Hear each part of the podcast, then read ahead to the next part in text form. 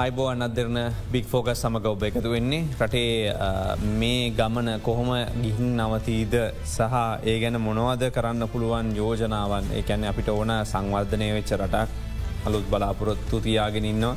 වැති බලාපොරත්තු හැමදාම තිබ එකක් වතිශ්ට සිද්ධ වනේ අපි ආරධන කරද සම්බන්ධ වන්න එක පැත්තක මේ ප්‍රචන්්ඩත්වය හනික් පැත්තේ සමාජ රාජිකත්වය පෙන්නුම් කරන වෙලාවක කොළොම් විශ්වවිද්‍යාලයේ සමාජ විද්‍යාධනාශය සම්මානත මහාචාරය සිරි හෙට්ටිගේ මහචාරතුමාට සම්බන්ධන සරන්ට අයිබවන් හො පිළිගන්න.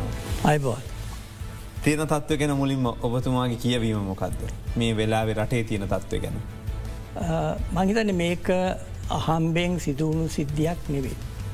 මේක අපි කාලාන්තරයක් තිස්සේ දැකපු විවිධ වූ වෙනස්කම්වල අවසාන ප්‍රතිඵලය. ඒගැන අපි මේක සම්බන්ධයෙන් ඕන තරං පසුගිය දසක ගාන තුළ සාකච්ඡ කරලා තියෙන. පොත්ලියලා තියෙනවා. ලිපිලියලා තියෙනවා. මේ අගේ මේ සාකච්ඡාවල් මුසින් ගානකට සහභාග වෙලා තියෙනවා. දැන් ප්‍රශ්න තියන්නේ ඒ සියල්ල මහිතන්නේ අපිට වෙන කරන්න අපි දැන් අපි ගත්තුතින් රටේඉන්න විශ්වවිද්‍යාල්වල ඉන්න පිරිස්වලට කරන්න පුළුවන් දේවල්වල සීමවත්තියෙනවානි නේද විශ්වවිද්‍යාල්ල ඉන්වලින් අයට ප්‍රධාන වශයෙන් කරන්න පුළුවන් මේවා සම්බන්ධයෙන් තමන්ගෙ තියෙන ඒ අවබෝධය මත යම් යම් අවස්ථාවල ඒවට මැදිහත් වෙලා යම් යම් සාකච්ඡාවලට සහභාග වෙලා අදහස් ඉදිරිපත් කිරීම. නමුත් ඒවා අරගෙන ඒවා ගම්මාකාරයකින් ක්‍රියාත්මක කිරීම කියන එක අපිට කරන්න බෑනි. ඒ සඳහා තමයි අපි ඇතවශයෙන්ම හැම වසර ගානකට වරක් අපි පත් කරගන්නවා අපේ රට පාලනය කිරීම සඳහා පිරිසක්. එතකොට පාලන තන්ත්‍රයක් තියෙනවා. දැන් ඒක තමයි යාන්ත්‍රණය ඒ අන්ත්‍රණය තුළින් ඒ ආකාරයට කටයුතු කරේ නැත්තං ඇත වශයෙන්ම අපිට මේ වගේ ඉරණමක් අත්වෙන එක අපිට බලාපොරොත්තු වෙන්න තිබුණ නොහු බලාපොරොත්තු උනේ නැහැ හුඟක් අය. නමුත් මම මම ලිව්ව පොතා ඇත්වශයෙන් දැන් අවුරදු විස්සකට කලින් වර්තමාන සමාජ අර්බෝධය කියලා. අවුරදු විස්සකට කලින්. දැ ඉතින් ඒකයන්නේ අපි මේ වදිහා බලගින්න ලිවරලා අපිට පේනෝ දැන් ඔයි ප්‍රවාහණය පිළිබඳ ප්‍රශ්නය ගත්තොත්. මේ රටේ අපි අවුරුදු අපිටම හතලිකට කලින් තිබුණු ප්‍රවාහණ තත්ත්වය අපි දැක්කා මේ කොළම නගරය තුළ අපි අත්දැක්ක විශ්වවිද්‍යාල ශිෂ්‍යෝ විදියට. අපි අත්දැක්කා. එතකොට අපි දැක්කදේ තමයි මේ මෙතන පම්පූර්ණ සියට අනුවක්ම පොදු ප්‍රවාහණය තිබුණ මේ. අපිට කිසිම කරදරයක් තිබුණෑ ඒ කාලි. ඒ තැන්තැන්වලට යන්න. දුරගමන් යන්න ප්‍රශ්නයක් තිබෙනෑ කොළ ඇතුළේ ප්‍රශ්නයක් තිබෙත් නෑ. මම රත්මලානි නැවතල හිටියේ බෝඩ්ඩල හිටියේ. මම බෝම පහසුවෙන් ඒ ඩබල් දෙකර ඒක උඩ නැගල අටුව නැගල ඇවිල්ලා කොළඹ විශ්වවිද්‍යාලයේ තර්ස්ටන් පාරි බැහැලා ආපව් හවසටත් ඒ විදියටම ගිය. මොකක්ද වෙන ඕන විශ්වවිද්‍යාල ශිෂ්‍යයකුට වෙන මොන අදුන රජයේ සේවයකුකට වෙන මොන අදෝන්. නමුත් ප්‍රශ්නය තියෙන්නේ අපේ රටේ බලන්න ඒ කාලය තුළ ප්‍රවාහණයට සිදුවම්දේ. අද මිලියන හතර හමාරක් තියෙනවා මොන අද යතුරු පැදි. මේ රට ජනගහන අපි දන්නන පවුල්ලිනික් පවුල් කොච්චරදන්න පවුල්ලින්නේ මිලියන හයයි. එතකොට මිලියන හයක් පවුල් ඉන්න රටක මේකැනේ මෙච්චර තත්ත්වයක් මතුනකට ත්‍රීවිල් පොච්චර ලංකාව තිනවා මිලියන එකයි දසම තුනක් ලියාපදිංචි කරලා තියෙනවා ඒ රතවාහන පාද. තොට අනිත් වාහනගෙන මම කියන්න ඕනෑ නේද. එතකොට ප්‍රශ්නය තියෙන්නේ තැන් මේවා අපි දැකල තියන ලෝක අනිතරටවල්ල හැම මේ ලෝක හැම රට කරන තියෙන ප්‍රශ්නයන්නේ ප්‍රවාහනය නේද අපිට විතර තිීන ප්‍රශ්න ඇන්වෙනි තොට එක රටවල්ල ඒව විස්න ගෙන තියෙන ආකාරයල්තින. එතකොට අපි දන්නේ නැත්තං අපිට තේරෙන් නැත්තං ඒවා හොඳට කල්පනා කල විසඳපු ගත්තු ගතිපු රටවලින් අපි ඉගෙන ගන්නවා. අපේ අපි අපි ගොඩල් ලෝක ඇවිදල තියනනේ මේ වෙනකොට නේද අතීතය වගේ නෙවෙනි අපි කවුරුත් ලෝකෙ දැකල තියෙන. එතකට අපි ඒ ඇවිදිනකොට බටපිට බල්ල ඉගෙන ගන්න නැත්තයයි නේද. එතකොට මහිතන ඕ හැමදේ පරිසරය සම්බන්ධ ප්‍රශ්නය ගත්තත් රජය අපේ ආර්ථික පිළිබඳ ප්‍රශ්නය ගත්තත් ප්‍රවාහණය ගත්තත් අධ්‍යාපනය ගත්තත් අපිට ඒ විදියට අපිට ඉගෙනගන්න හැකියාව තියෙනවා. නමුත් මං උදාහරණයක් විදියට. ජනප්‍රියවාදී හා ජාතිකවාදී රැලිවලට ගසාගෙන යන ආණ්ඩුවකට හරි පාලකයන්ට හරි පුළුවන්ද රටේ ප්‍රතිපත්තිමය තීන්දු තීරණ ගන්න ඒක ප්‍රතිඵල නෙවිත සමහරට අපි අද මේ බුක්තිවිදින. ඕ මෙමයි දැ අපි අපි පස්සු කරගෙන ඇවිල්ල තියනෝ විවිධ මතවාදී අධියර නිදහසෙන් පස්සේ. අපි පටන් ගත්ත කොහොමද පටන් ගත්තේ ලිබරල් වාදී පදනමක් මත. අපේ පලවෙනි ව්‍යවස්ථාව ලිබරල් පසුවිමක් මේරටේ නිර්මාණය කිරීමට අවශ්‍ය පසුබිම සකස් කල්ල දුන්න පලවෙනි ව්‍යවස්ථාව. ඊට පසුව අපි ක්‍රමාණුකූලව වෙන වෙන පැතිවලට ගියාන මේ රට නේද හොඳ අපි ගත්තාම ඇත්ත දෙකේ ව්‍යවස්ථාවේ යම් නැමුරුවක් ආවා මේ ජාතිකවාදී පැත්තට නේද ජාතිකවාදී පැත්තට ආවා. නමුත් ඊට කලින් අපි ගත්ත යම් යම් ජාතික ප්‍රතිපත්ති තුළින් ඒ තත්ත්වයට අවශ්‍ය පසුවිම හදල දුන්න. භාෂාව පිළිබඳ ප්‍රශ්නය අධ්‍යාපනය පිළිබඳ ප්‍රශ්නය ආගම පිළිබඳ ප්‍රශ්නය මේ සියල්ලම අපි නිදහසෙන් පස්සේ අපි ටිකෙන් ටික මතු කල් අරගෙන ඒ පැත්තට නැබුණ. ඉළඟට අපිට අවස්ථාව තිබුණ ඇත්ත වශයම ලබ ලිබරල්වාදී පසුම තුළින් අපට ඉස්රහට යන්න තිබුණ කොහෙට කියල කල්පන කල්බා. අපට යන්න තිබුණ ඇත්ත වශම සමාජ ප්‍රජාතන්ත්‍රවාදී පැත්තට. අපි සමාජ ප්‍රජාතන්ත්‍රවාදී පැත්තට පැත්තට නැඹුරු වුණු යම් යම් දේවල් කරා. ඒ අපිට ගත්තු අපි ගත්තොත් විවිධ රාජ්‍ය ප්‍රතිපත්ති අර ගත්තොත් ඒ කාලේ අපි අධ්‍යාපනය සම්බන්ධයෙන් කර්මාන්ත සම්බන්ධයෙන් අධ්‍යාපනය සම්බන්ධයෙන් සෞඛ්‍ය සම්බන්ධයෙන් ඊළඟට මහජනතාවගේ ආරක්ෂණය සම්බන්ධයෙන් ඒ ගත්ත හුඟක් ප්‍රතිපත්තිවල තිබුණ සමාජ ප්‍රජාතන්ත්‍රවාදී ලක්ෂණ. එතකොට ඒකින් නොලැබකින් අපි අපිට අපිට ඒකෙන් ගොඩක් ප්‍රතිලාබ ලැබුණනි දැ උදාහනක මංහර කිවනේ ප්‍රවාහණය සම්බන්ධ ප්‍රශ්නය. ඒ ඒ අපි අපි තරුණ කාලේ ඒ කොළඹ ඒ දැක්ක ප්‍රවාහනය කියන එක ආසිම් පහත්තුන් නෑනි මම කියපු එක ඒක ඇත්ත වශයෙන්ම රජ්‍යයන් විසින් ඉතාමතා ගන්නාලද ප්‍රතිපත්ති තීරණ නිසා තමයි අපිට එවිදිට උඩ තට්ටුවේ ලබල් දෙකරගේ සීට් එක වාඩි වෙලා කොළඹ නගර එක කොනකෙදලා අනික්කොන්ට යන්න පුළුවන්ගෙන. නේද. එතකොට අපි අපිට ඔය තර්ස්ටන් රෝඩ් පාරඉදලා හරි රීඩ්මාවත ඉඳලා හරි කොළඹ ඕන පැත්තකට යන්නේ දවස්වල අපිට තිබුණි බස්සයකට නගින්න විතරයි. වෙන මොකුත් කරන්න ඕන්න. එකන පාර හිටන් හිටියත් පොඩි වෙලාව බස්ස එකක් එනවා. වෙන දේවල් ප්‍රශ්නයක් නෙවෙයි එකන ජාතික පොදු ප්‍රවාහණය ශක්තිමත් කියනක ඔතුමම කියන්න. ඉතින් මේ අපේ අපිට මේක අපිට මේ තත්ත්වය තිබුණු දේ අපි නැති කරගෙන නොමුත් අපි වෙන ලෝක රටවල්ලට ගහම අපිට තවම පේෙන් ඒකන. තව දැන් අපි යුරෝපය ගම් දැ යුරෝපය ගහම දියුණුම රටවල් වල අපි මම ගිහිල්ල තින දියුණුම රටවල්ලම ඉඳ ලත්තින බොඩිබි කාලව. එතොට දැන් ස්විත්සර්ලන්ති ගැන ලෝක තින දියුණුම රට. ස්විත්සර්ලන්තේ විශ්වවිද්‍යාල මහාචාරවරු උගක් කලාවට පවුල් පොදු පෞද්ගලික ප්‍රවාණය මාධ්‍ය පාවිච්චි කරන්න. නොක මම මට මතකයි මම එක්දානමසි අසුවට අසු නමයි වසරේ මං සූරී විශ්වවිද්‍යාලයේ වසරක් හිටිය. එතොට මගේ යාලුවෝ යාලෝ ගැනේ මගේ විශ්වවිද්‍යාලයේ අනිකුත් ආචාරවරු ඒ කවුරුවත් වාහන් වලින් ආවෙනෑ. ඒගොල විධ පැතිවල හිටියේ මුත් ඒක කොයි පැත්ත හිටියත් ඒ මහාචාරූටික ඇවිල්ලා විශ්වවිද්‍යාලයට ගොඩ වෙන්නේ බර එක්කෝ ට්‍රේන් එක ඇවිල්ල බැහල ට්‍රෑම් එක ඇවිල්ල බයිනොය මතම් බස්සේ ගැල් ළඟ. තොට මේක ලංකාවේ තිබුණා. එතකොට අපි ඒක නැතිකරගෙන අද අපිට ඇත්වශමතින් ලොකුම් ප්‍රශ්න බාන අපේ රටේ දැම් අපි කියන දැම මේ පෝලිම් පිළිබඳ ප්‍රශ්න කතා කරපු හම දිගම පෝලිම් මොනවාද කියන්න මට මිනිස්සුන්ට අවශ්‍ය ඉන්දන. එතකොට මේක රාජ්‍ය ප්‍රතිපත්ති පිළිබඳ ප්‍රශ්න මංහිතනවා අපිට මේක එකක ශේෂත්‍රවල ප්‍රතිපත්ති ගැන පමණක් කතා කළ වැඩක් නෑ. අපි බලන්න ඕන සමස්තයක් විදියට. අපේ රටේ ඇත්ත වශයෙන්ම නිදහසෙන් පස්සේ අපිට තිබුණා ජාතික ක්‍රම සම්පාදක මණ්ඩලයක් කියල එක. ඒ ජාති ක්‍රමන් සම්පාදක මණ්ඩලය කියන්නේ එක එක ශේත්‍රයකට අදාල එකක් නෙවේ. ඒක සමස්ත සංවර්ධන ක්‍රියාවලිය සහ අනිකුත් ශේත්‍රවල තිබියයුතු තත්ත්වයන් පිළිබඳ සාකච්ඡා කල්ලා ඒ අය විවිධ විෂයන් පිළිබඳ ගැම්බුරට අධ්‍යයනය කරපු පර්යේෂණ කරපු ලෝක රටේ ගැන හොඳ අවබෝධ ඇත්වුණු පිරිසක්ගෙන් සමන්විත ක්‍රම සම්පාද මණ්ඩල ඇතුන්.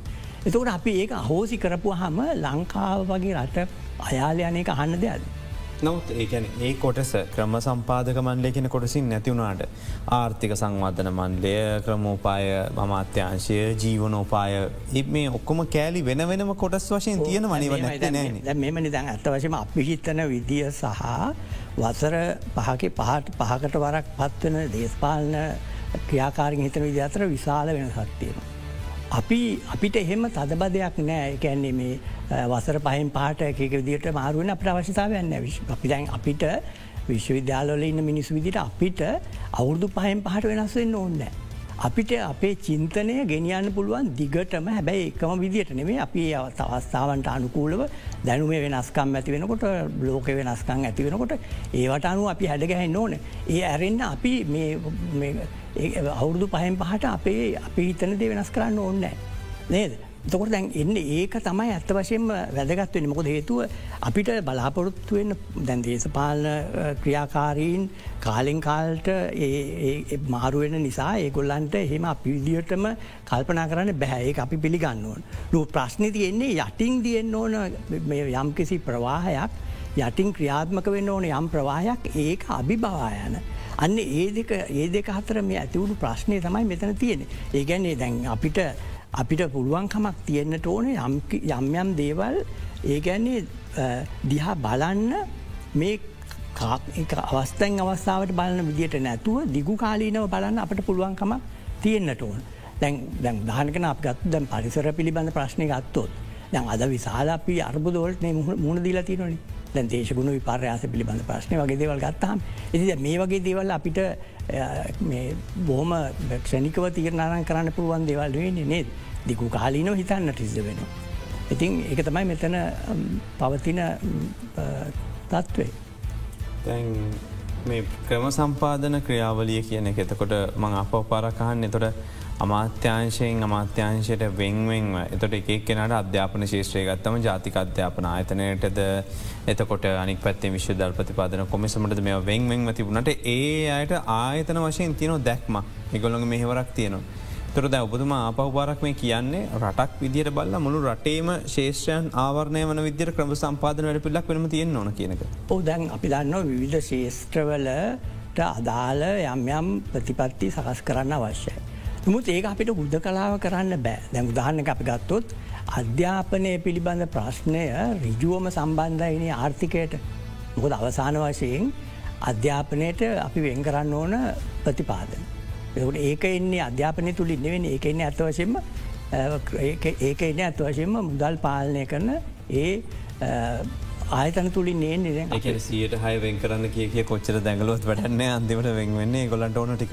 දැවෙන්ෙන් ඕන් ටිකන අත්වශයම මෙතන ප්‍රශ්න තියෙන්නේ අපි අපි අපිට දැන් උදහනකට අපි ගත්තොත් අපි මොනවද මේ වෙන් කරනවා කියලා කියන්න. ඇත්වශයෙන්ම අපිට පුළුවන්කමක් තියෙන්නේ රජයට පුළුවන්කමක් තියෙන්නේ තිබෙන ටික බෙදීමනි.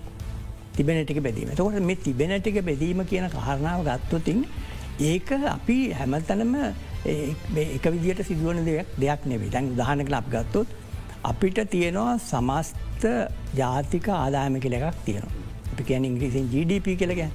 එතොට මේක මේක සාමාන්‍යයෙන් නිෂ්පාදනය වෙන්නේ රජය තුළින් රාජ්‍යායතන තුළින් නෙවෙනි රාජ්‍යාතුළද යම් ප්‍රමාණයක් සමාරට වල්ල නිෂ්පාදනය වෙනවා. නේද ඒකට ඒගැන අපි ගත්තොත් රාජ්‍ය ව්‍යවසාය තියෙන රටවල් වල ඒ ජාතික ආදායමට රාජ්‍යන්සයෙන් යම් දායකත්වයක් සිද්ධ වෙන. නමුත් වැඩිපුරම අද දාද ලෝක දිහා බලපුහාම මේ ධනය නිෂ්පාදනය වන්නේ පෞද්ගලික අන්සේ මගින් නේද එකැට පෞද්ගලික අන්සේ මගින් තම නිෂ්පාදනව. එතකට මේ පෞද්ගලිකකු හම මහා පරිමාණ කර්මාන්සාලවල් මහා පරිමාණ ව්‍යවසාය පමණක් නෙවේ කුඩා පරිමාණයවත් තියන. තකට මේ සියල්ලම එකතුව තමයි ජාතිකාදායම වෙන්නේ. දැන් මේ ජාතිකාදාමෙන් කොපමන ප්‍රතිශතයක් රජය පාලනය කරනවාද කියන එක තීරණය වෙන්නේ ප්‍රතිපත්තියක් කනු. දැන් සමාජ ප්‍රජාතන්ත්‍රවාදී රටවල් වල මෙම ප්‍රතිශතය සීයට පනස් පහක් විතර තියෙනව සමහර රටවල්ල. එකනි සමස්ත ජාතික ආදායමෙන් රජය පාලනය කරනවා රජය අතට අරගන්නවා බදු වගේ විවිධ ක්‍රම තුළින් එතකොට සීයට පනස් පහක්. එතකට සියට පනස් පහක් ගන්නවා කියල ගැනේ සමස්ත ජාතික ආදායමෙන් වැඩිකොටස රාජ්‍ය අතේ තියාගන්න. රාජ්‍යයට පපරගන්න. එතකොට දැන් දැන් අපි ලංකාව බලන්න. ලංකාවේ අද වෙනකොට ජාතික ආදායමෙන් කුමන ප්‍රතිශතයක් මේ අපේ රාජ්‍ය මූල්‍ය බවට පත්වෙනවල්. රාජ්‍ය මූල්‍ය බවට පත්වෙනල්. එතකොට මේ රාජ්‍යමූල්ල බවට පත්වෙන ප්‍රතිශතය ලංකාවේ සීයට දොළහක් වගේ ප්‍රමාණයක් ඒක වෙනස් වෙන එක කාලුවට එක දොළහක් වෙන්න පුළුවන් ඒක දහයක් වෙන්න පුළුවන් පහලුවක්කන නොමුත් නොමුත් ඇත්ත වශයෙන්ම ප්‍රශ්නය තියෙන්නේ මේක ඉතාම අඩු ප්‍රතිශතයක් අපේ රටේ තියෙන. එතකොට මේ ඉතාම අඩු ප්‍රතිශතය අපිතු සියට පහලෝනං අපිට තියෙන්නේ ජාතිකාදායමෙන් රජයට පාලනය කරන්න පුළුවන් ප්‍රමාණය අපිට ඒක සියට හයක් එක දෙකට වෙන් කරන්න බෑනි. නේද? සියට හයක් කොහොමද වෙන් කරන්නේ අධ්‍යාපනයට? සියට පහලුව අපිට තියන සියට පහලුව කොහොමද අපි බෙදන්න කළ බාන්න සියට පහලෝකෙන් වැඩි කොටසක් යනවා රාජ්‍ය අන්සය පවත්වගෙන යාම සඳහා. පුන්රාවත්තනක්කොම පුුණු අර්ථන විය එතකොට අපිට ආයෝජනය කරන්න ඒගැනි පලදාය ආයෝජනය කරන්න පුළුවන්කමක් නෑ නේද එතකට බලදායි ආයෝජනය කරන්න බැරනම් අපි මොනාද කරන්නේ අපි ආයෝජනය සඳහා අපි එක්කො පෞද්ගලික ආයෝජන බලාපොරොත්තුව එහෙම නැත්තන් අපි රජය විසින් අය ගන්න. නයහරග නිවල්ල ඒ නයවලින් අපි ආයෝජනයන් කරනවා එක එක ශේත්‍රවල. නේද. එතකොට දැන් ඒක තමයි දැන් මෙතන මහිතනය අපි ඒක මම කිව්ව අපිට මේ සමස්ත රාමුව දිහා බලන්නේ නැතුව මේ ප්‍රශ්න දිහා සකච්ඡ කරන්න පුළුවන්කමක් නැහැ. ඒගැන්නේ අපි අපි කියනෝ රජය මේ කරන්න ඕන අර කරන්න ඕන කියලා කිව්වට අවසාන වශයෙන් රජයට කරන්න පුළුවන්ද බැරි දෙක කියනක තීරණය වන්නේ කොපමන ආකාරයට මේ ආර්ථිකය සහ රාජ්‍ය මූල්‍ය හසුරුවන්න පුළුවන්ද කියන කාරණය කාරණාව මත. ඉතින් දැන් අපි අපි දැම් මෙතන මුණදීල ඉන්න අර්බුදය ගත්තුතින් ඇත වශයම මේසා මේ අම්මම මේ වෙලා කියපු කාරණාවන් වලින් පරිබාහිරව සාකච්ඡ කරන්න පුළුවන් දෙයක් නෙවේ මේක.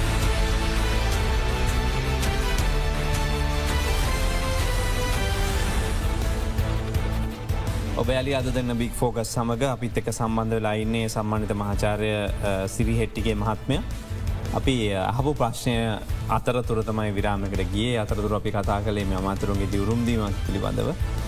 ඔබතුමාට දේශපාලන විද්‍යාවනුත් ඒ වගේ මහාචාරුවෙක් විදිහ දත්තේ වගේ වෙනම කෙනෙක් විද හිතම බලන්නකොට පේනවද මේක අන්තර්වාදීන අන්තර්වාර පාලනයක්. ඇත කෙටි කාලයක් සඳහා රට හොඳ තත්වක රෝසවා තබන්ට දරන පාලනයක් පේනවද. අත්වශයෙන්ම මේ මුහුණ දීලා ඉන්න තත්ත්වය අපි එක්කනෙකාට වෙන වෙනම් බලන්න පුළුවන් තත්ත්වයක් නෙවේ. අපි සෑම කෙනෙක්ම මේක දිහා බලන්න ඕන එක දෘෂ්ටිකෝනයකින් එකැනෙ කොහොමද අපි රටක් විදියට සාමූහිකෝ මේකින් එලියට අන්න කෙනගෙන බලන්න ඕන. මොද හේතුව මේ ප්‍රශ්නයෙන් මේ ප්‍රශ්නයෙන් බලපෑම් ලබන්නේ නැති. පීඩනයට පත්වෙන් නැති කවුරුවත් නැතිතරමට දැන් ව්‍යාප්ත වෙලා නතිී ඉති එහෙමන ඇත්තවශයම මේක දිහා අපි නව දෘෂ්ටියකින් බලන්නට. නව දෘෂ්ටියකින් බලන්න ඔබට සාමාන්‍ය අපි කටයුතු කරගෙන අපපු විද්‍යට ආපස්සේ ආපස් පසුකාලීනව සමහල්ලාට කෙනෙකුට යන්න පුළුවන් කියල හිතන්න පුල නොත්. අද වෙනකොට තියන අභියෝගය තමයි අපි කවුරුත් කොහොමද මේක දිහා බැලිය යුතු දුෘෂ්ටිකෝනකින් බලන්න. නේද ගැන මේක අපි ඇත්ත ඇති සැටින් දකින්න එපායි. ඇත්ත ඇති සැටයෙන් දකින්න කියල ගැන මොකක්ද මෙතන ප්‍රශ්නය මේ ප්‍රශ්නයට අපිට කොහොමද වඩාත්ම ප්‍රශස්ත විසඳුමක් හොයා ගන්න කියක. එකට මේකට එක පුද්ගලගේ ඔලුවේ මේක තියෙන බෑන. මේක කොච්චර කොච්චර බුද්ධිමත් වනත් මේක එක පුද්ගලයගේ දෙන්නෙගේ තුන්දනෙගේ හතර දෙනෙගේ තියෙන බෑ මේක ඇත වශයෙන්ම අපි සාමූහිකව ඒ ඒ ශේත්‍රවල ඉන්න දැන් දානක අපි ගත්තොත් මේ මූල්ලය ප්‍රශ්නය. ණය ප්‍රශ්නය දැ මේක ගත්තොතින් ඇත වශම මේ පිළිබඳ ඉතාම ගැඹුරින් අවබෝධ කරගත්ත දැනුමත් තිබෙන පිරිසක් ඉන්න මේ රට්ටි. නේද ඒගැන මම ඇත්ත වශයම ආර්ථික විද්‍යාඥයෙක්වත් දේශපාලන විද්‍යාඥයෙක්වත් නෙවේ මම සමාජ විද්‍යාඥය. එතකට අපි දන්න අපේ විෂයන් ගත්තත් එක එක දේවල් සම්බන්ධව අපි බලන්නේ එක විදිහටම නෙවේ. ආර්ථික විද්‍යාඥයෝ බලන විදිහටම නෙවෙයි අපි යම් යම් දේවල් දිහා බලන්න. නේද ඒ වගේම සමාජ විද්‍යාඥයෝ බලන් බලන විදියට නෙවෙයි තවත් කෙනෙක් ඒක දිහා බලන්න. එතකට ඔය එකකටවත් නැති අයි බලන විදිට බලන විදියට නෙවේ අපි කවු බලන්න. ති මහිතන මෙතන තියෙන ප්‍රධාන ප්‍රශ්නය තමයි අපි සෑම කෙනෙකුටම පිළිගත හැකි යම් කිසි දෙයක් තියෙනවාද මෙතන. යගෙන අපි කුමන විදිහටද මේ ප්‍රශ්නය තේරුම් ගන්නට ඕන කුමන විදිහටද මේ ප්‍රශ්නයට මුහුණ දෙන්න ඕන කියන එක සම්බන්ධෙන් අපිට පුළුවන්ද සාමූහික වැඩ පිළිවෙලකට යන්න. අපි කාටත් පිළිගත හැකි සාමූහික වැඩ පිළට. අන්න එතෙන්ට එනකං ඇත්ත වශයෙන්ම කියවනම් අපි මේක බලාපොරොත්තු වන විදිේ ප්‍රශස්ත රාමුවක් තුළ විසඳගන්නවද කියන පිළිබඳ ප්‍රශ්නාර්ථයක් තියෙනවා. ඉතිං මංහිතන්නේ සම්බන්ධය මට මේ අවස්ථාව ඊට වැඩිය කියන්න යමක් නෑ. එතකොට ජනතා අපේක්ෂා කියනක මේ පාර වෙන්දර වඩා මේක සමාජ විද්‍යාඥයකතර ඔබ දකින්නේ මේක සමාජ අරගලයක් ඇතිවෙලා තිබෙනවා. තොර කාලාන්තර ඇත්තිස්සෙත් මිනිස්සුන්ගේ හිතේ ඇතිවෙච්ච පීඩාවන් එලිපිට ප්‍රකාශයට පත් කරන්න පටන් අරගෙන තියෙන. මේක ලෝක තත්වයන් එක සස්දා බලන්නකොට මොනවගේ තත්ත්වයද ලංකාව තින තත්ත්ව. මහිතන්නේ මෙතන ප්‍රධාන ප්‍රශ්නයක් තියෙනවා පාලන තන්ත්‍රය පිළිබඳ. පාලන තන්ත්‍රයක් කියන්නේ ඇත්වශයෙන්ම ඒ අවස්ථාව පවතින ආණ්ඩුව නෙවෙයි. අපි කියන්නේ රාජ්‍ය කියල කියන්න නේත් රාජ්‍ය. එතකොට මේක හුද කලා දෙයක් නෙවෙයි මේක සම්පූර්ණයෙන්ම ආයතනික රාමුවක් තුළ තමයි ක්‍රියාත්මක වෙන. එකැනි විශාල ආයතන සමුදායක් තියෙනවා මේ රාජ්‍ය වටා ගොුණු කළ. ද ලංකාව ගත්තුත් අපි රාජ්‍ය ආයතන විදියට ගත්තුතින් ආරසිය පණහක් පමණ තියෙනවා රාජ්‍ය ආයත. එක එක අවස්ථාවල එක එක ශේෂත්‍රවල එක එක ප්‍රශ්න නිරාකරණය කිරීම සඳහා අපි අන්න පනත් මගින් පිහිටෝපු ආයතන. එතකොට මේ හාරසිය පණහක් සමයි ඇත්තවශම මහජනතාවගේ එදිනෙදා ප්‍රශ්නවලට විසඳුම් සොයන්න අපි පිහිටුවල තියෙන්නේ පෞගිය දසක ගණනාව තුළ. ඉතින් දැන් මේ ආයතන ඇත්ත වශයෙන්ම හරියට ක්‍රියාත්මක වෙන්නේ නැත්තං.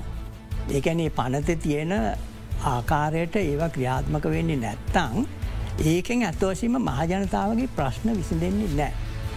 ප්‍රශ්න එන්න එන්නම උග්‍ර වෙනවා. එතකොට මොකොද වෙන්නේ මේ ප්‍රශ්න කාලාන්තරත් තිස්සේ එකතු වෙනවා.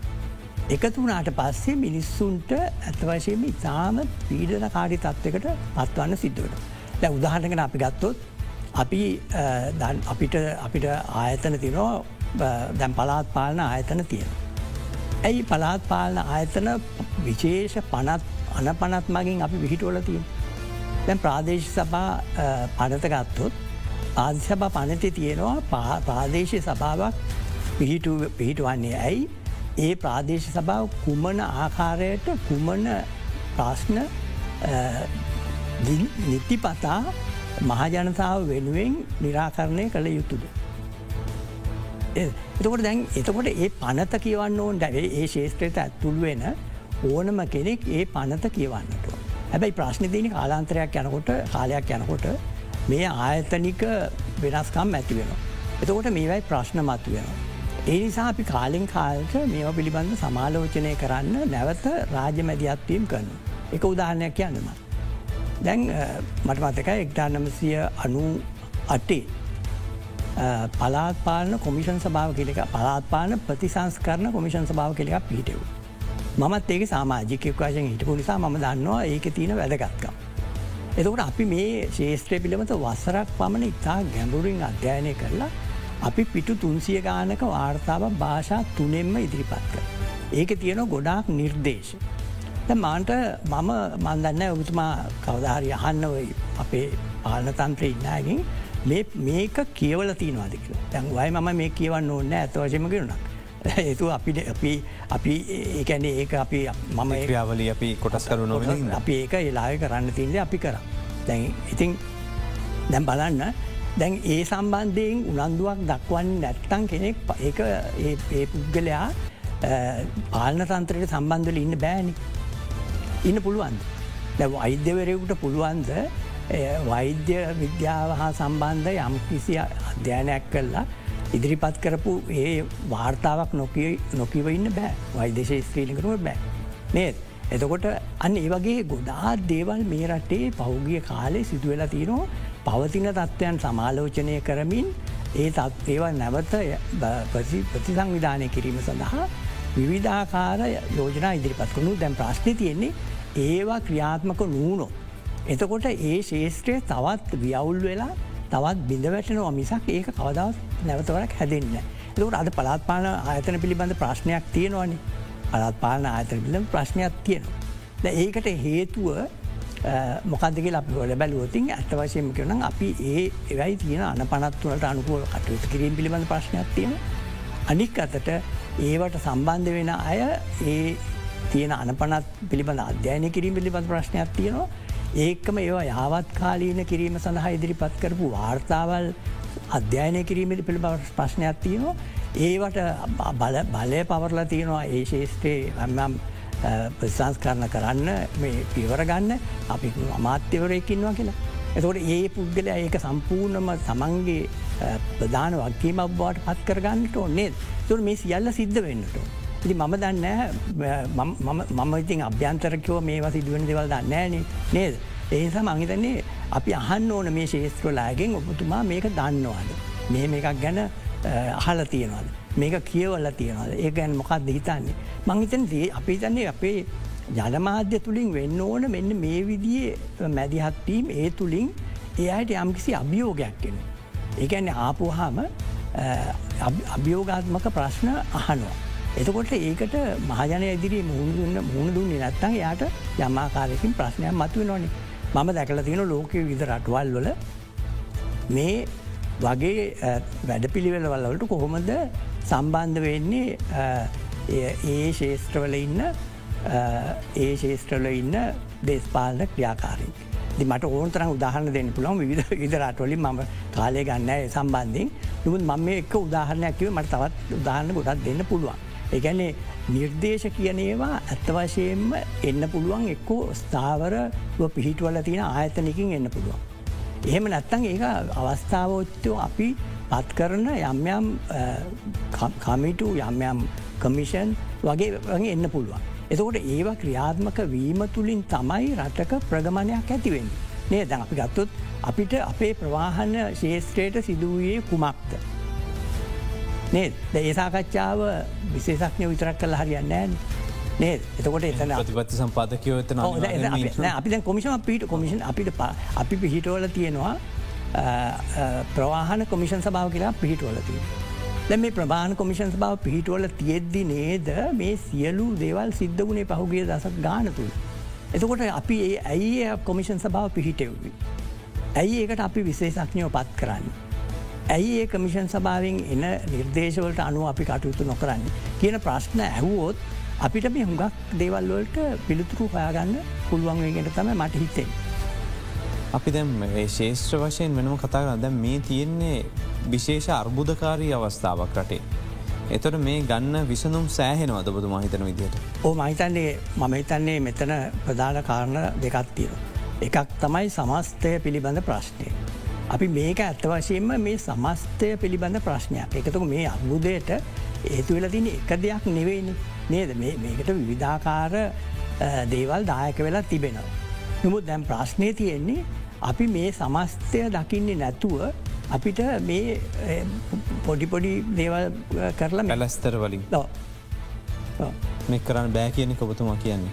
ඕ මහිතන්නේ මම හිතන්නේ දැන් අපි වෙතර ආර්ථිකය කිව්වහම ආර්ථිකය කොච්චර පුළුල් පරාසයක් විහිදී තියෙන දෙයක්ද නේ ආර්ථිකය කියන. එදට මේ ආර්ථිකයේ අපි ගත්තොත් අපේ ආර්ථිකට මොකක්ද උනේ කියෙන ප්‍රශ්නය හන්න පුළුවන්. දැ උදාහනක ආර්ථිකය කියන එක ස්ථිතික දෙයක් නෙවෙන්. ආර්ථිකය කියන එක කාලීනව වෙනස් වෙලා තියෙන. එතකට එක්දා සමජය හතලිස් ගනන්වල තිබුණු ආර්ථිකය නිවෙන පනස් ගනන්වල තිබුණේ පනස් ගනවල එක වෙනස් වන ඇට ගනවල විශාල වශයෙන් වෙනස් වන. උදාහරණකෂ මේ රටේ කිසිම් මේ රට අවුරුදු එකසිය පණහක් බිතාන්යන් පාලනය කර. බිතාන්ය කැනේ යුරෝපයේ ප්‍රධාන කාර්මික රටක්. නේ නමුත් අපේ රටේ ඒ බිතානයේ පාලනය කාලය තුළ කර්මාන්ත බිහිවුණේ නෑන නේ අපේ රටේ ප්‍රධාන වශයෙන්ම අයාත නිර්ාත ආර්ථිකයක් හැදුනේ. කෘෂිකර්මය මෙහෙ කොහොමත් තිබුණ ඊළඟට ගාමීය විවිධ බාහන නිෂ්පාදනය කරන්න අත්කම් ඒ වගේ ගොඩක් දේවල් තිබුණ. ඊට අමතරව මේ රටේ කර්මාන්ත වශයෙන් මේ රටේ ආර්ථිකය ප්‍රධාන කොටසක් තිබුණින් නැහැ. අපි නිදහස ලබනකොට. නොමුත් නිදහස ලැබුවට පස්සේ ආපු රජයන් විසින් මේ රටේ කාර්මික නිෂ්පාදනය සඳහා විශාල නැමුරුවක් ඇති කරගත්තා. ඒ තුළින් මේ රටේ ප්‍රාථමික කර්මාන්ත විශාල ප්‍රමාණයක් දසක දෙකක් වගේ කාලයක් තුළ බිහිවෙන. නේද. අපි අපි කාලේ පසල් යන කාලය අපි නිතරම පොයල බලනවා මේ මේ ප්‍රදේශය තියෙන කර්මාන්ත සාලා මොනවල්. අපි අපි අහනෝ සිමෙන්ති කර්මාන් සලා තියනෙ කොහෙද කියලා අපෙන් ගුරුවරු අහන.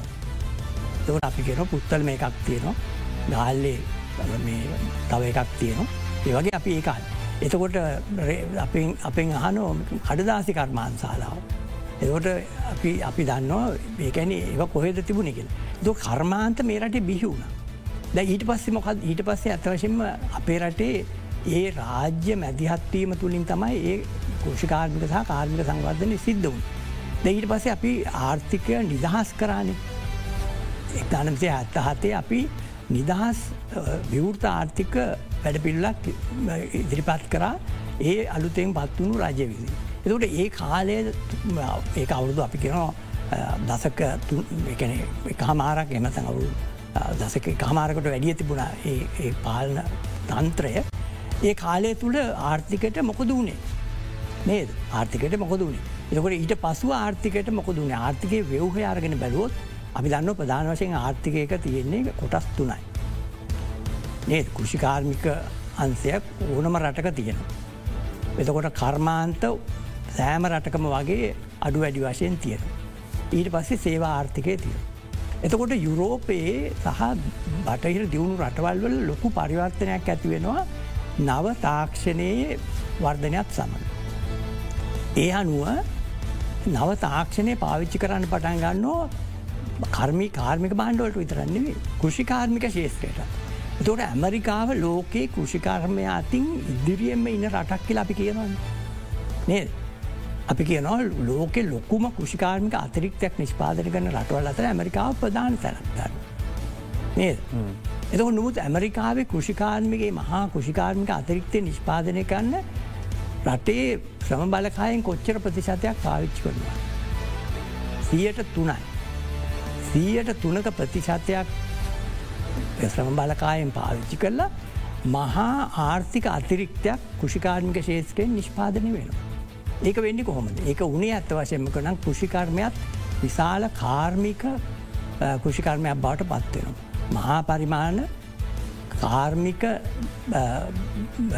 ආකාරයෙන් නිෂ්පාදනය වන කෘෂිකාර්මිශේත්‍රය බවට පයුතු දානකන අප ඇත්තුත් ඒ ගිහිල බලපුහම අපේ තියන අපේ තියෙන්නේ ගොයි පලක අක්කර දෙකත් තුනක් හතරක් පහන්නේ අපේ තියෙන්නේ. දැඒ සාමාන්‍යයෙන් ගොවිය ගොවියෙක්ට අයිති බිම් ප්‍රමාණය අරගෙන බැලුවොත් අක්කර දහස් ගානක් වෙන්න පුළුවන්. අකර දහස් ගානක් වෙන මුත් අක්කර දහස් ගාන වගා කරන්නේ මිනිස්සු දාලා උදලු දීලා නෙවේ. ඒ ඒ වගා කරන්නේ යන්ත්‍ර සූත්‍රානුසාරයට. ඒකැන අවශ්‍ය කරන බේ අවශ්‍ය කරන පොහෝරයිසීම ජලය සැපීම. ජලය සැපීම සඳහා වෙනම යන්ත්‍ර සකස් කල තින අට ස්ප්‍රිංක්ලස් කියලා එක කොනක ඉඳලා අනික් කොනට මේක ගමන් කරන්න. ගමන් කරන්නකොට මුළු විශාල පරාසයක මේ ජලය විසිරලෑන. එතකට එහෙම තමයි එතකොට කාර්මික එතකොට කෘෂිකර්මය එතකට එතන සිදුවනේ අටුව කඩල පුටුව හැදීමක් නෙවේ සිදුවන. කෘෂිකර්මයක් තියාගෙන කර්මාන්තවලට මාරුවෙන. එතකට කර්මාන්ත ශේෂත්‍රයේ ඊට පස්සේ විශාල පරිවර්තනයක් සිද්ධ වෙන නවතාක්ෂණික ක්‍රම හඳුන්වාදීමත් සමඟ. එතකොට මොකොද වෙන්නේ.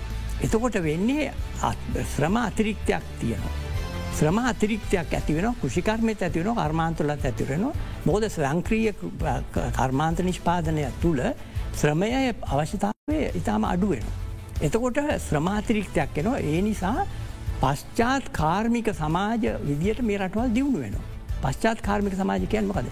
සීයට හැත්තෑවක් ශ්‍රමය ඉන්නේ කෘෂිකර්මයත් නෙවෙයි කර්මාන්තවලත් නෙවෙයි ඉන්න සේවා අන්සවල. එතකොට පශ්චාත් කාර්මික සමාජකයන් ඒවට. නමුත් ලංකාවගේ රටක අපි ඒ වගේ පරිවර්තනයක් සිදු කරල නෑන නේද. දොට අපේ කෘෂිකර්මය ගත්තහම තාම අපි කුඩා ඉඩං කැබලිවල වගා කරන්න ගොවින් විශාල පිරිසක් ඉන්න. තාමත් අපේ කෘෂිකාර්මික ශේත්‍රයේ සියට විසි හතක් අපේ ශ්‍රම බලකායෙන් යෙදිලා ඉන්න. ඒකත මං අනි පැත්‍ර කල්පනාය දැන් සාමාන්‍යෙන් අපි ඇමරිකාවේ ජනගහනය කියන්නේ මිලියන තුන්සියතිහක් විතර. ආසන්න වශයෙන් ගත්තම සීයට තුනක් කියල කියන්නේ මිලියන නමයක් ඒගොල්ලෝ වැඩ කරන පිරිස ගැන ලක්ෂ අනුව. අපේ රටේ කෘෂිකර්මාන්තයෙන් අපි ගැන පවුල් ලක්ෂ විසි දෙකක් එම නත්තන් ලක්ෂ පණහකට පනස් පහක් විතර කෘෂිකර්මාන්තයෙන් යැපෙනවා කියලා. ඉන්නවා කියලා. එතර දැම් මේ කියහු පිරිස වගේ දෙගුණ එක පිරිසකෙන් මුළු ඇමරිකාවටත් කන්න දීලා. අතිරික්තයකුත් නිෂ්පාදනය කරන්න පුළුවන් වෙලා තියෙනවා ඒ අයට. නමුත් අපිට අපේ රටේ තියන තත්ව ස්වම්පෝෂිත කරගන්න බැරි වෙලා තියෙනව කියලා ඔබතුමා ගොඩනග තර්කෙත් එක හිතෙන්නේ. අපිට මොහොතක් දෙන්න අපි කෙටි විරාමකට යුම වෙලා එන්නගේ සාකච්ඡා විදිරට ගෙනයන්න මේ අද දෙරන බික් ෆෝකස්.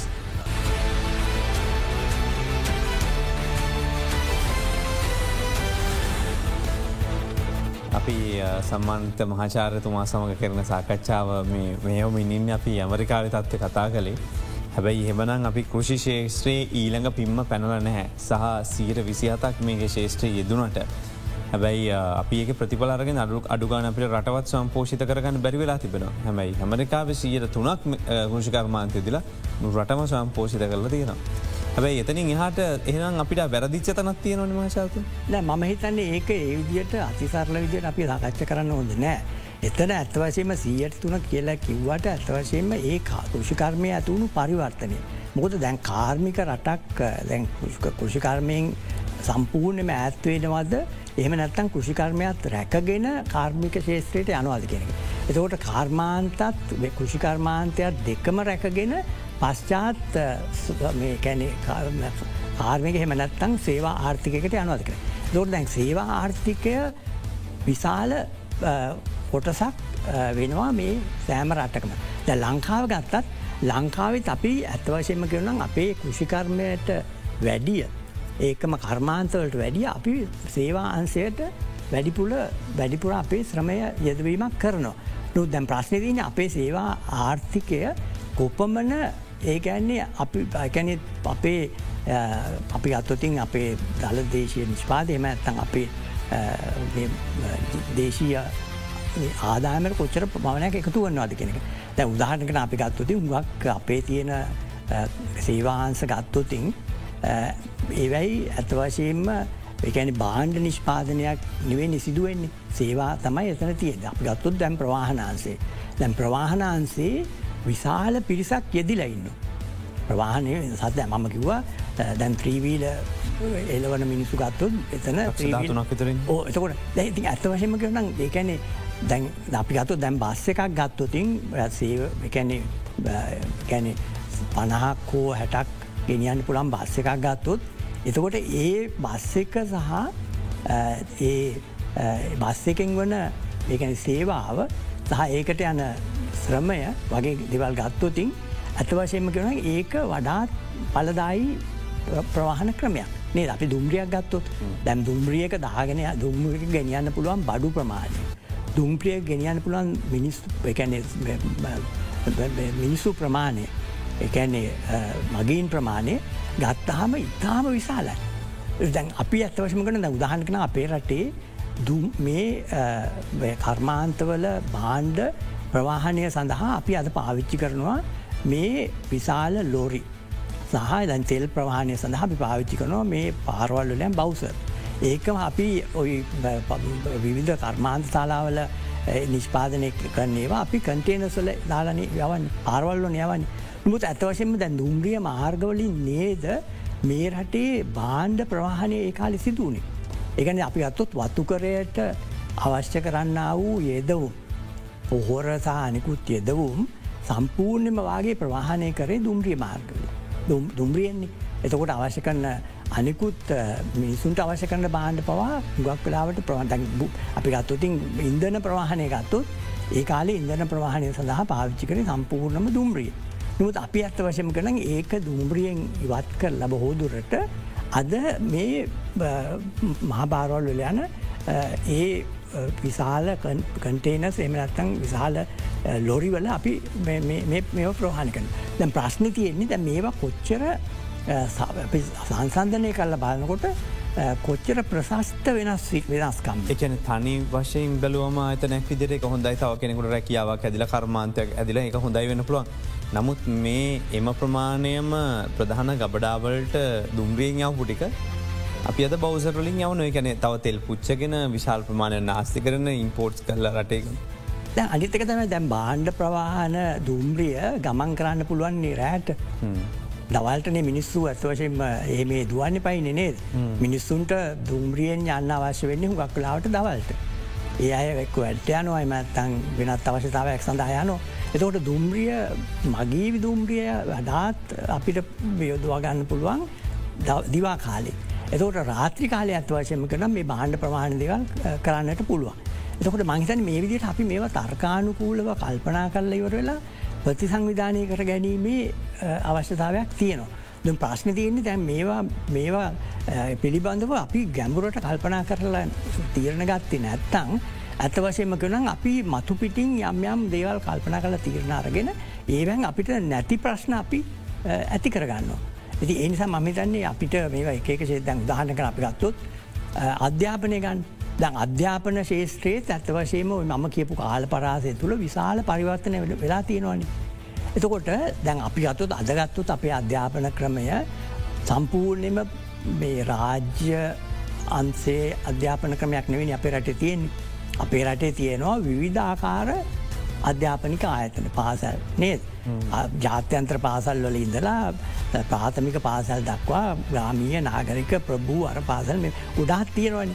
එතකොට දැන් අපි දන්නවා මේක මෙහෙම වෙන්නම අවශ්‍ය නෑ. මේක මෙහෙම වෙන්න උදාහනකන අපි ගත්තොත් දැන් ජර්මණී වගේ රටක අධ්‍යාපනය සම්පූර්ණයෙන්ම පුදු අධ්‍යාපනයක් විදිට පවතින්න. රාජ්‍ය අධ්‍යාපන ක්‍රමයක් විදිට පවතින්න. ඒකැන මේ අපේ වගේ වියවුල් සහගත අධ්‍යාපන ක්‍රමයක් බොහෝ රටවල්ලල නැහැ. අපි මේක ඇත්වශයෙන්ම අපි හිතුව මේක තමයි හොඳ කියලා. ඒකන එකකායට එක විදිට පාසල් හදල එක ආකාරයට මේකර පුවාම් මේක වඩාත් හොඳයි තමන්ට ගැලපෙන ඕන එකත් තමන්ට ඕනිදිර කරගන්න පුලන්කිල ලු දැන් ප්‍රශ්න තියන අපි දන්න අධ්‍යාපනයට අපි වෙන් කරන්න ප්‍රතිශතය ගන්න. අධ්‍යාපන අපි වෙන් කරන්නේ දළදේශය නිෂ්පාතයෙන් සීයට එකයි දසම හයයි. එක්සත් ජාතික සංවිධානය කියලතින අවම අපි කොච්චර භාච්චි කරන්න ඕන කියල එක්සත් ජාතික සංවිධානය. එක්සත් ජාතින්ගේ සංවිධානයෙන් සියට තුන. එතකොට නැගෙනකට ආසියාව රටවල් වල සහ වෙනත් බොහෝ රටවල් වල අවම වශයෙන් සියට පහක් දළදේශය නිෂ්පාධිතයෙන් අධ්‍යාපනයට වෙන් කරන්න. දැන් ප්‍රශ්නය තියෙන්නේ ලංකාවේ අපි සීයට එකයි දසම හය නිසා අපිට ග්‍රාමීය නාගරික පරතරය නැති කරන්න පුළුවන්කමක් නෑ. අපි කොහොමද ගාමිය ගාමිය පාසැල්වල පවතින පහසුකන් අපි නාගරික පාසැල්වල මට්ටමට ගේන්න නම් අපි විශාහල ආයෝජනයක් කරන්න එපෑ. දැ ඒක කරන්න අපිට පුළුවන්කමන්න නෑන. දැ රජය සියට එකයි දසමහයක් වෙන් කරන්නේ ඇත වශයෙන්ම ඉටවෙයි වෙන් කරන්න අපේ දඟ මම කිව්වා සියට දහතුනනං අපිට තියෙන්නේ ඔයි සියට දහතුනේ පැ අපි බෙදන්න අපිට ඕක සියට දහතුන අපිට වැඩි කරන්න බෑනේ. එතකොට සියට දහතුනං ආණ්ඩුවට ලැබෙන්නේ මේ සම්පූර්ණ දළදේශය නිෂ්පාධිතයෙන් පාලනය කරන්න ඒ සියට දහතුන තමයි අරටමටුවෙන් කැතෝට අපිට කියන්න බෑ මේකෙන් සියට සියට හයක් වෙන් කරන්න සියට පහක් වෙන් කරන්න කියලා අධ්‍යාපන එම වෙන් කරන්න නම් හෙමනම් අපි දළදේශය නිෂ්පාධිතයෙන් අපි රජය රජයේ ආදාමිට එකතු කරගන්න ප්‍රමාණය විශාල වශයෙන් වැඩි කරන්න. එහෙම වැඩිකරගති රටවල්ලට මේ ප්‍රශ්නයක් නෑ අපි ඒ කරලා නෑ. දැ මම කිව සියට පනස් පහක් දැ උදානය ස්වීඩනය ගන්න. ස්වීඩනයේ දළදේශය නිෂ්පාතයෙන් සියට පනස් පහක් විතර රාජ්‍ය ආදායම් බවට පත්වය. ඒකට හේතුව ඒ පවතින ඒ බදු ක්‍රමය අනුව ආදායම් බදු ක්‍රමය අනුව ඒ අය මේ සියලුම්ම ජාතික ජාතික ආදායමෙන් විශාල කොටසක් රජයට ගන්න. බැ රජයට අරගෙනවල ඒ රජය ගන්න ආදායම නාස්ති කරන්නේ නෑ. ඒ හැම ශේත්‍රයක්ම විශාල වශයෙන් ආයෝජනය කළ ප්‍රවර්තනය කරන්න ඒ මුදල් පාවිච්චිකන නිසා එමිනිසුන්ට කිසිම ගැටලුවක් නෑ බදු වැඩිුණක් ලට කිසි ප්‍රශ්න චෝදනාවකුත් දැ ම ඉදල තියන රටවල් කීපක ම ඉදල තින ම දන්න ඒ නිසා මේ මේ රටවල් වල ඇත්වශයෙන් මේ ආයෝජනයන් කිරීම නිසා මේ ඇති නැති පර්තරය මේ අවම කල්ලා මිනිස්සුන්ට ඉතාම සාධාරණ ආකාරයට විධ පහසුකල් සැපීමට යට පුළුවන්කමක් ලැබිලතිනු. ති ලංකාවෙත් අපි ඇත්තවශයෙන්ම මේ වගේ දේවල් අපි ඉගෙන ගන්නට ඕන වෙනත් රටවල්වල අත්දැකීම් තුළින්. අපිත් එක් අද දවසේ සම්බන්ධ වනේ කොළම් විශ්වවිද්‍යාලයේ සමාජ විද්‍යාධ්‍යනංශයේ සම්මාන්ිත මහාචාරය සිරි හෙට්ටිගේ මහත්මය බොහම සූති සම්බන්ධනාට වැඩසටහන්ට අපි වැඩසටහන අවසන් කරනවා මේ අත දෙරන බික් ෆෝකස්.